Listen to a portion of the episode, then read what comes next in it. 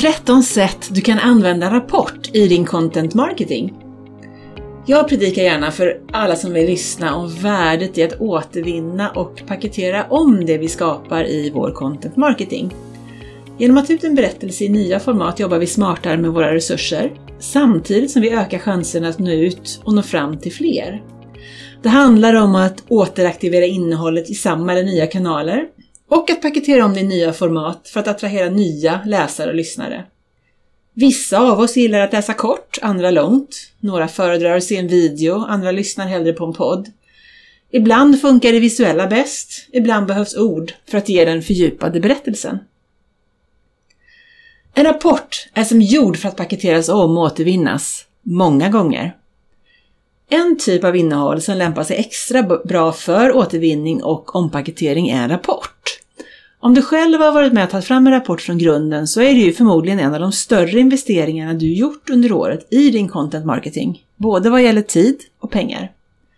Har du tagit investeringen och samlat in nya insikter från marknaden så finns det därför all anledning att tänka till en extra gång kring hur du kan ompaketera och omdistribuera det du har kommit fram till. Ibland så använder vi benämningen Hero Content för den här typen av mer omfattande innehåll. Andra pratar om Pillar Content. Och det är ett innehåll som är så starkt, informativt och omfattande att det utgör en av grundpelarna då, eller navet för en kampanj eller kanske en hel contentsatsning. Det går helt enkelt att knyta både an till och återvända det som finns i rapporten, vårt Hero Content, på en mängd olika sätt.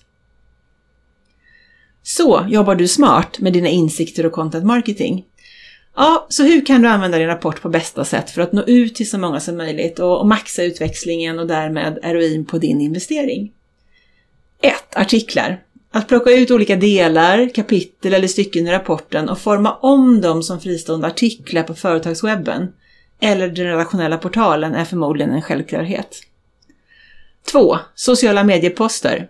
Lyft också ut enskilda fakta och konkreta insikter i visuella poster för LinkedIn Instagram eller andra sociala medier som ditt företag använder. Gör det enkelt att ta till sig. En insikt blir en post och att dela vidare. Webbinarium. Fördjupade insikter från en studie passar utmärkt som grund för ett webbinarium. De flesta av oss är intresserade av att ta del av nya insikter och få dem presenterade live av den som ligger bakom själva analysen. Seminarier. Varför inte kontakta samarbetspartner, branschorgan eller nyckelkunder och erbjuda dig att komma ut och presentera rapporten och dela kunskap. Att presentera sina insikter är dessutom ofta en bra grund för att själv få ta del av nya reflektioner från de som har lyssnat. Poddinslag. Spela in ett poddinslag där du diskuterar det ni kom fram till tillsammans med en kollega eller en annan sakkunnig person. Har du ingen egen podd? Hör av dig till andra som har det i din bransch. Punkt nummer 6. Video. Det finns många olika sätt du kan använda ditt hero content på som utgångspunkt för att skapa rörligt material. Spela in korta sekvenser där du eller en kollega lyfter fram höjdpunkter i rapporten. Låt en extern part läsa rapporten och ställa frågor framför kameran. Eller gör det enklare en animation av nyckelinsikter. Här bjuder ju verktyg som Biteable och StoryKit fina möjligheter för att jobba snabbt och kostnadseffektivt. Guider och fördjupningar. Fundera över om det finns insikter som går att paketera om eller material från studien som ännu inte har delats och som kan bli en egen guide eller en fördjupning i något av det som rapporten lyfter fram. Tips nummer 8. Andra ref andras reflektioner. Contentproduktionen behöver inte stanna vid den egna organisationen Låt externa experter hos kunder, partners eller branschpåverkare ge sina reflektioner på det rapporten beskriver i en artikel eller kanske en längre LinkedIn-post. 9. Externa bloggar. Fundera också över om det finns externa intressenter i nätverket som kan vara intresserade av att fördjupa sig i rapporten och skriva sina tankar på sitt företagsblogg. Ibland kan det vara värt att låta någon ta del av innehållet på förhand men självklart mot ett löfte att de inte släpper ut något innan den officiella publiceringen. 10. Pressmeddelande. Släpp ett pressmeddelande i samband med att rapporten lanseras. Fokusera på slutsatser som ger nya insikter och underbygg dem med hur studien är gjord. Identifiera olika medier som bör vara intresserade av det ni kommit fram till och ta personlig kontakt. 11. En infografik. Gör en infografik som presenterar de viktigaste insikterna i rapporten visuellt. Ibland säger en bild minst lika mycket som tusen ord. 12. Nyhets eller inspirationsbrev. Självklart berättar du om din rapport och lyfter intressanta insikter i den i företagets nyhets eller inspirationsbrev.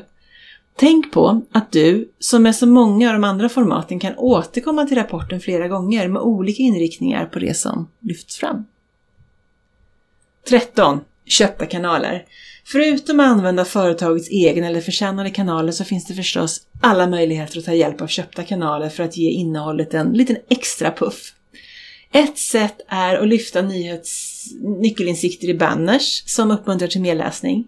Ett annat är att dra nytta av native-annonsering för att komma ut bredare i fler kanaler. Så, vad har jag glömt? Det här var mina 13 tips på hur du kan jobba smartare med rapporter i din content marketing. Har du fler tips på hur det går att jobba smart med återvinning och ompaketering i content marketing får du jättegärna lämna en kommentar direkt här på portalen eller höra av dig till mig. Litium bygger Thought Leadership med Nordical Digital Commerce in B2B. Ett företag som har tagit det löpande arbetet med att förstå sin marknad till nästa nivå och paketerar det i rapportform är Litium, en av Nordens ledande aktörer inom digital handel och som erbjuder en skalbar e-handelsplattform för företag. Just nu så jobbar vi på Crescendo intensivt tillsammans med Litium för att lägga grunderna för 2024 års version av Nordic Digital Commerce in B2B. Enkäten kommer gå ut till utvalda beslutsfattare i BTB-företag i Sverige, Norge, Danmark och Finland. Och precis som tidigare år så kommer vi paketera insikterna och slutsatserna i en rapport som kommer gå att ladda ner i Litiums kanaler. Och när rapporten är klar så ska vi fokusera på att packa om och återvinna och paketera om och återvinna. Hela tiden för att stärka Litiums content marketing. Vill du också vara en del av studien och besvara våra frågor om digital handel mellan företag så skicka ett mejl till Annette Jarmert så får du enkäten.